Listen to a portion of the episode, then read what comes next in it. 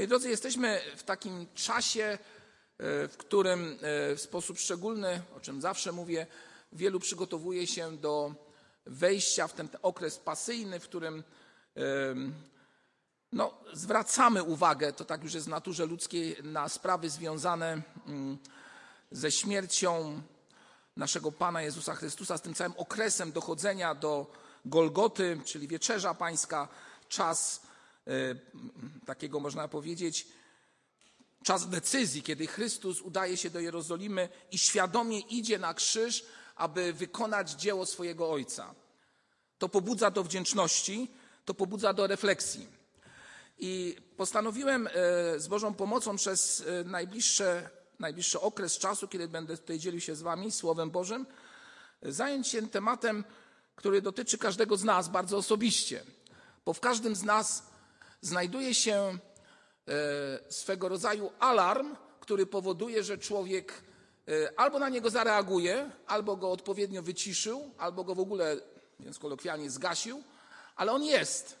Pytanie tylko, jak on jest słyszalny w naszym życiu. Czy wiecie, na co wskazuję? Sumienie, bardzo dobrze.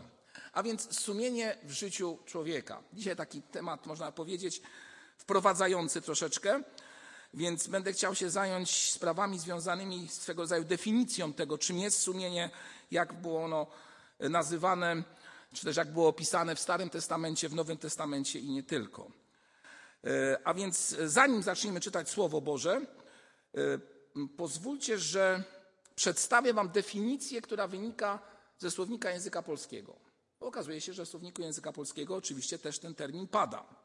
A więc sumienie to zdolność oceny własnego postępowania, świadomość odpowiedzialności moralnej za swoje czyny, zdolność oceny własnego postępowania oraz świadomość odpowiedzialności moralnej za swoje czyny. Spotykamy też dodatkowe określenia, które się, że tak powiem, pojawiają pośród nas, a mianowicie rachunek sumienia, czy też wolność sumienia. Wolność sumienia chyba w dzisiejszych czasach jest bardzo mocno podkreślana, szczególnie e, w tej kulturze zachodniej, w której bardzo mocno kładzie się nacisk na to, że człowiek jest wolny i tą wolność powinien szanować każdy drugi, który patrzy na niego, ale to też doprowadza do tego, że ta wolność sumienia w różny sposób się objawia. Wolność sumienia wyrażająca się w tym, że człowiek ma swobodę wyboru, e, swobodę e, poglądów, wyznania, religii itd., tak itd.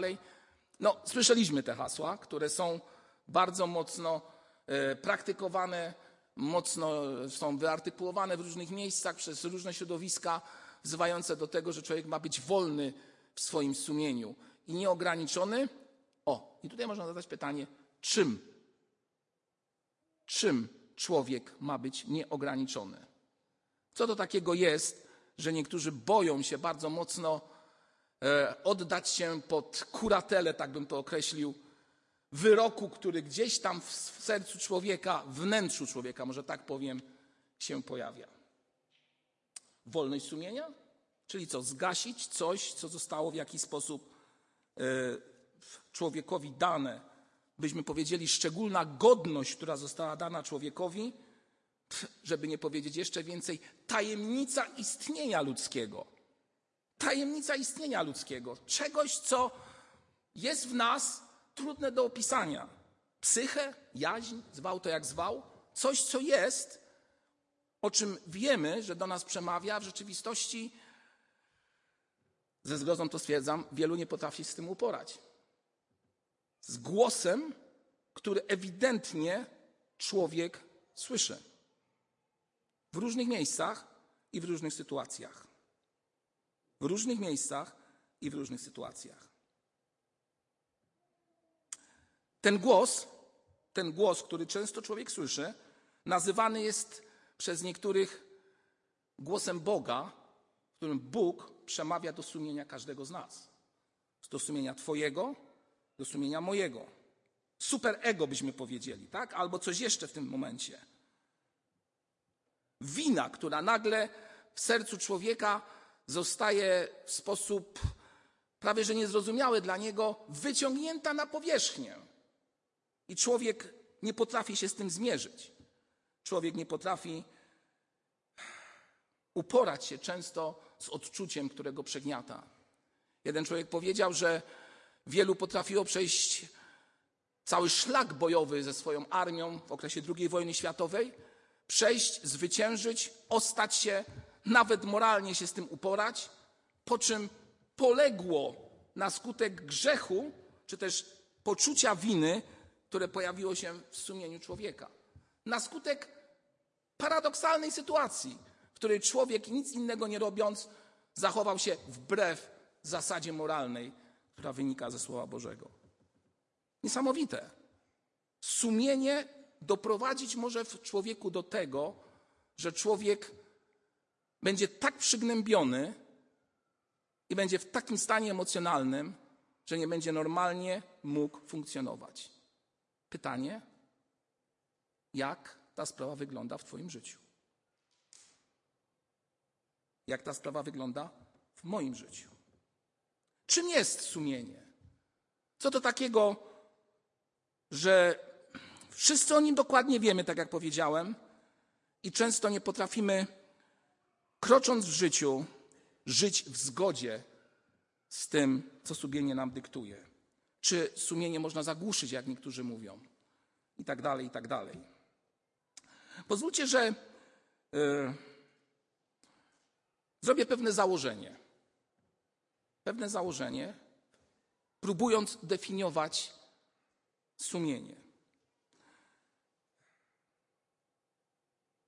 Co to takiego jest? Celowo zatrzymałem się, abyście pomyśleli. Abyśmy pomyśleli. Znalazłem takie określenie, które, którym jeden z autorów książki powiedział, że sumienie to swego rodzaju współwiedza. Współwiedza z kim? Współwiedza o czym? Wiem i zastanawiam się, skąd to wiem, że tak powinienem zrobić. Skąd wiem o pewnych zasadach, że są one istotne i po prostu od wieków są realizowane. Skąd wiedzą poganie, jak czytamy w liście do Rzymian, że coś jest moralne, a coś nie jest moralne? Skąd ludzie o takich sprawach wiedzą? Myślę, że to jest właśnie to, co nazwałem na początku tajemnicą istnienia ludzkiego. Tajemnicą istnienia ludzkiego. W księdze Jeremiasza w 31 rozdziale i w wierszu 33 czytamy takie słowa. Lecz takie przymierze zawrę z domem izraelskim po tych dniach, mówi Pan. Złożę mój zakon w ich wnętrzu i wypiszę go na ich sercu. Ja będę ich Bogiem, a oni będą moim ludem. Złożę mój zakon. Spróbujmy zamienić to słowo. Złożę moją wolę, Bożą wolę w ich wnętrzu. Ale nie tylko złożę, ale Pismo Święte mówi coś jeszcze. Wypiszę to. Pismo ma wymiar czegoś trwałego. Wypiszę na sercu, w Twoim sercu, swoją wolę, Bożą wolę. W Starym Testamencie, moi drodzy, gdy czytamy o sumieniu, postrzeganie narodu, postrzeganie e, przez ludzi kwestii sumienia w Starym Testamencie było troszeczkę inne niż w naszej rzeczywistości. A mianowicie światopogląd żydowski, po o tym teraz chcę troszeczkę powiedzieć, podkreślał raczej myślenie grupowe, a nie indywidualistyczne. Życie swego rodzaju komunia. I do dzisiaj mają tą ideę kibuców i takiego życia we wspólnocie. A więc myślenie grupowe, nie podejście indywidualne. A więc ta wspólnota żydowska, wspólnota przymierza, odnosiła się praktycznie w całości do Boga. Żyd był, bym powiedział, taki pewny swojej relacji, tutaj zacytuję, z Bogiem, gdy naród żydowski jako całość miał z Bogiem właściwą relację. A więc pojedynczy człowiek był, że użyję takiego słowa, kontent wtedy, jeżeli cały naród był w porządku z Bogiem. Taka grupowa, taki grupowy sposób postrzegania sumienia i kwestii związanych z tym, co jest w życiu człowieka. Moi drodzy, Nowy Testament zmienia to. Zupełnie to zmienia. Na pogląd jaki? Bardzo indywidualistyczny. Paweł bardzo jednoznacznie wskazuje na to, że jego słowa i czyny to jest istota wszystkiego. Bada swoje czyny, mówi Paweł. Dostrzegam zgodność z zasadami moralnymi tego wszystkiego, co się wokół mnie dzieje. Sumienie staje się swego rodzaju świadkiem wydarzeń. No i właśnie dochodzimy do tego, o czym już mówiłem wcześniej, a mianowicie kwestię związaną z postrzeganiem przez pogan spraw i rozumieniem przez pogan spraw związanych z sumieniem, czy też z głosem wewnętrznym, o którym mówiłem. W liście do Rzymian w drugim rozdziale, 14 wierszu czytamy takie słowa: Skoro bowiem poganie, którzy nie mają zakonu, z natury czynią to, co zakon nakazuje, są sami dla siebie zakonem, chociaż zakonu nie mają. Dowodzą też oni, że treść zakonu jest zapisana w ich sercach. Wszak świadczy o tym sumienie ich oraz myśli, które nawzajem się oskarżają lub biorą w obronę. O kim tu jest mowa, moi drodzy? O ludziach, którzy generalnie nie nazywają się wierzącymi w Boga. Poganie mają w swoim sercu prawo moralne. Kto to wypisał? O czym świadczą te słowa? A właściwie o kim świadczą te słowa? Widzimy w tym bardzo jednoznacznie, że człowiek, który może nawet w sposób jednoznaczny negować kwestie związane z Bogiem i nie utożsamiać się z całą ideą chrześcijańską albo tej tak zwanej cywilizacji zachodniej, nie utożsamiam się z tymi naukami, jednak w swoim sercu ma coś, co mówiąc wprost, hamuje go lub pobudza go do jakichś określonych zachowań. Tajemnica istnienia, a może inaczej, tajemnica Boga w nas. Ta często przeze mnie powtarzana cząstka Boga, kiedy to Bóg tworząc człowieka, wlał do jego serca ducha żyjącego. I wtedy dopiero człowiek stał się istotą, która mogła normalnie funkcjonować i pojmować rzeczywistość. Czyżby Bóg w nim? Czyżby Bóg w nas? Jego prawo zaistniało właśnie w ten sposób w nas? Moi drodzy, świadomość, która często w sumieniu jest, jest bardzo, bardzo związana z prawem, które Bóg w, swoim, e, w swojej mądrości nadał człowiekowi. Ale ta świadomość nie tyle, że sobie zdaje sprawę z woli Bożej, jak gdyby istniejącej obok, woli Bożej, która jak gdyby istnieje obok człowieka. Ktoś może powiedzieć, o tak, ja wiem, że to są przykazania Boże. E, poznałem je z perspektywy historycznej, socjologicznej, jakiejkolwiek. To są prawa Boże. Poznałem je. One są obok mnie. Ale sumienie, sumienie to jest coś więcej. A wiecie, co to takiego jest?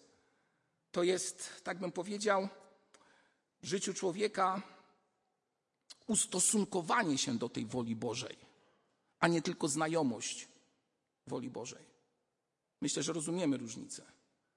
Bo może wola być koło ciebie, inaczej, możesz znać wolę Bożą, która jest obok ciebie, bo jest zapisana w księgach, ale niekoniecznie się możesz, czy też nie, możesz nie chcieć tego, aby się do niej ustosunkować. A więc dopiero ustosunkowanie się do woli Bożej powoduje, że uświadamiamy sobie, kim faktycznie jesteśmy. Kim faktycznie jesteśmy. Tak zastanawiałem się, czym jest to sumienie w moim sercu, w moim wnętrzu. No niektórzy zamiennie w Starym Testamencie E, czy też nawet i w Nowym, mówili, że sumienie to serce człowieka. Na pewno spotkaliście się także i z takim rozumieniem sprawy. Spróbuję narysować wam taki obraz. Sumienie jako drugie ja. Jedno ja jako to, co dotyczy mnie i mówi i stanowi o mnie, i drugie ja, który jest w świetle Słowa Bożego obecne w moim życiu. Obiektywne i bezstronne. Obiektywne i bezstronne. Ono jest, jeżeli pozwalamy na to, po pierwsze, nie zagadamy sumienia, nie zagłuszymy sumienia różnymi sprawami i nie ulegniemy pokusie tak zwanej wolności sumienia. Tylko szczerości powiemy, przez sumienie mów do nas, Panie. W sporze prawnym, w sporze prawnym, idąc do sądu, ziemskiego sądu, czego oczekujemy od sędziego? Przede wszystkim. Czego oczekujemy od tych, którzy sądzą sprawy tutaj na ziemi między ludźmi? Sprawiedliwości. Pierwsze rozumienie. Ale myślę, że jest jeszcze coś więcej. A mianowicie bardzo często mówi się o tym, że ten, który sądzi, powinien być sam nienagarnie moralny, a przynajmniej powinien być, uwaga, niezaangażowany ani po jednej, ani po drugiej stronie.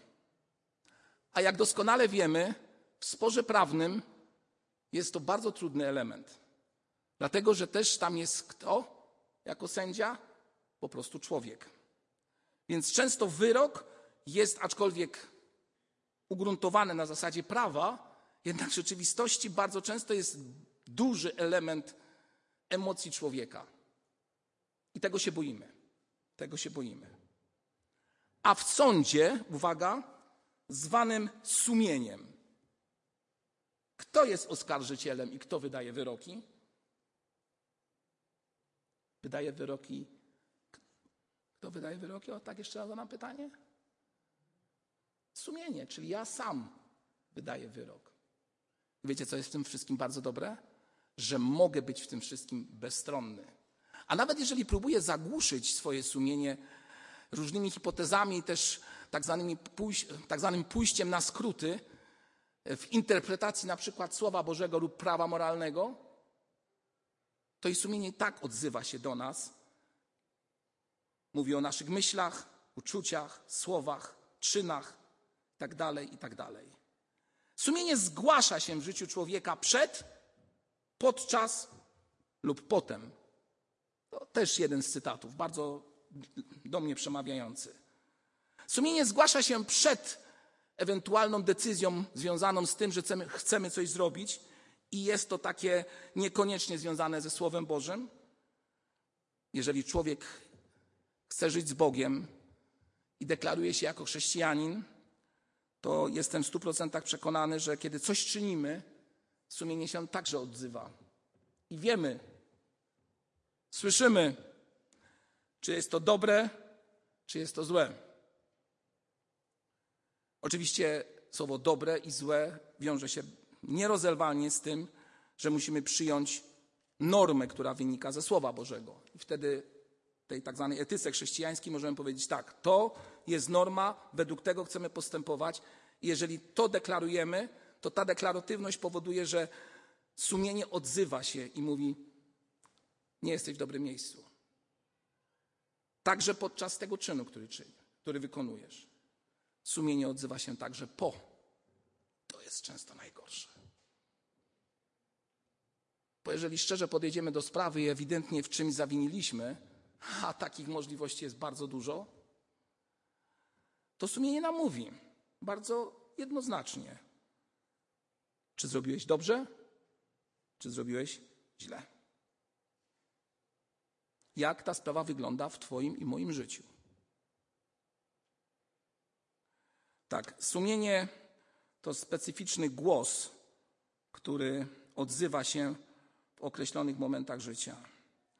Patrzę na zegarek, mam troszeczkę mało czasu. Ja powiedziałem, że będzie więcej e, rozważań na ten temat. W związku z tym jedną część dzisiejszego rozważania ominę, tylko przypomnę, znaczy tylko zasygnalizuję, że będę chciał mówić na następnym spotkaniu o tak zwanych trzech rodzajach sumienia. To tak troszeczkę będę odwoływał się do e, przekazu, który zachował, który został zapisany w jednej z książek Tischnera, który bardzo ciekawie, wypowiadając się o sumieniu, powiedział, że w życiu każdego człowieka pojawiają się jak gdyby trzy rodzaje sumienia błędnego.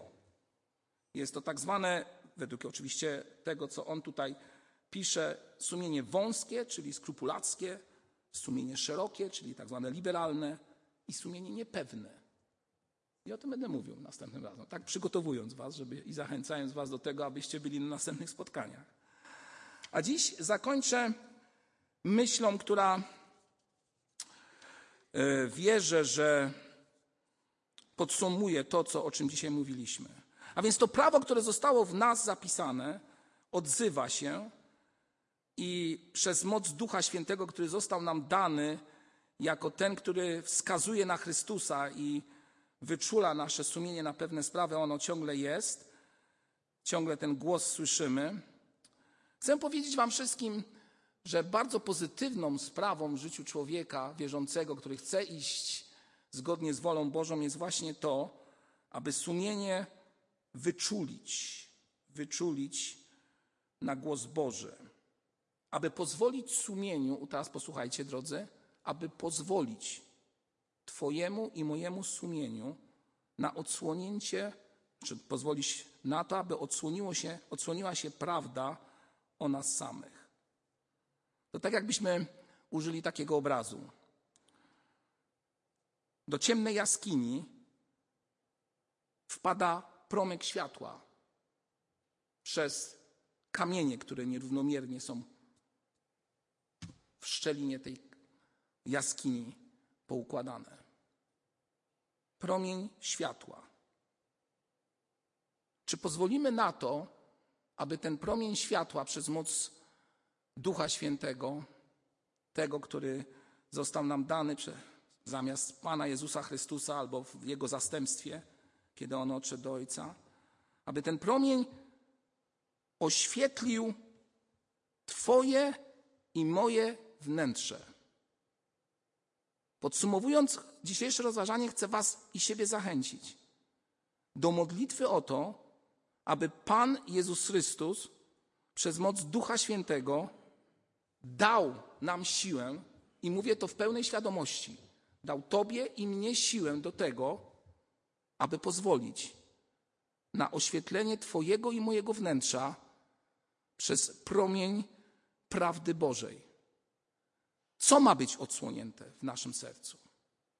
Ten zakon, to prawo, które zostało w naszym sercu zawarte, a które na skutek, nie wiem, kurzu, działań remontowych w naszym sercu zostało, może tak tu użyję takiego terminu murarskiego, zaszpachlowane. I ono tam gdzieś jest, to prawo. Ale w rzeczywistości Patrząc na nie, widzimy gładź, która wszystko elegancko zakrywa. A może potrzeba tego światła, które ten mrok rozjaśni. A może potrzeba tego, o czym mówię od początku tego roku, zachęcając Was wszystkich i siebie do tego. A może potrzeba ciszy, aby usłyszeć ten głos, często zagadany przez nasze życie głos zagadany przez wiadomości, głos zagadany przez różne sytuacje, które są wokół nas. Powiecie, czym jest sumienie? Jaka jest istota sumienia? Istota sumienia to odsłanianie i pokazanie tego, kim faktycznie jestem. Odsłanianie, odsłanianie czegoś. Dzięki temu człowiek widzi swój prawdziwy stan. I zakończę przykładem, który jest nam bardzo dobrze znany. W pierwszej księdze Starego Testamentu, czyli w pierwszej księdze Biblii, czytamy historię grzechu pierwszych rodziców. Któż, no, któż z nas ją nie zna? Myślę, że każdy. Czytamy tam, że kiedy nastąpił ewidentny, nastąpiło ewidentne złamanie zakazu Bożego, czy też nakazu Bożego, wtedy trzeci rozdział, wtedy w sercach czy też w oczach ludzkich pojawiła się wiedza, że są nadzy pierwsi rodzice. A gdy usłyszeli szelest Pana Boga, przechadzającego się po ogrodzie, w powiewie dziennym skrył się Adam z żoną swoją przed Panem, Bogiem, wśród drzew ogrodu. Teraz spójrzcie na ten fragment. Wiersz dziewiąty. Jeżeli można, proszę o wyświetlenie. Jest. Co tam się stało? Co zrobił Pan Bóg? Jak Pan Bóg zareagował? Zobaczcie. Pan Bóg nie potępia tych ludzi i nie przychodzi do nich i mówi: O wy grzesznicy, wy. Tak często człowiek ma taką naturę, nie? Najlepiej nas to się spalić, tak? Przez średniowiecze i przez inne sprawy to taka natura ludzka wychodziła najlepiej w tym wszystkim. A Pan Bóg mówi zupełnie inaczej. Lecz Pan Bóg zawołał na Adama i rzekł do niego: Grzeszniku? Nie. Gdzie jesteś? Gdzie jesteś? Gdzie jesteś? Dalej powiedział Pan Bóg: Kto ci powiedział, że jesteś nagi? Kto ci powiedział? Dlaczego to uczyniłeś? Zobaczcie, to jest głos sumienia. Sumienia, które jest wyczulone, które jest w sposób szczególny związane z Bożą obecnością. Sumienia, które ma współwiedzę z Bogiem, o czym mówiłem. Współwiedzę z Nim. Ta cząstka Boga odzywa się w nas. A więc Pan Bóg po upadku Adama zadaje mu pytania. Zadaje mu pytania.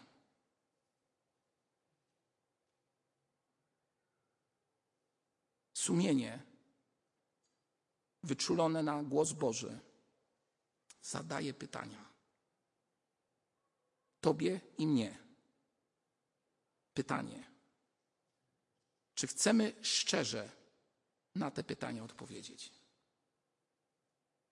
I z tym Was zostawiam i siebie.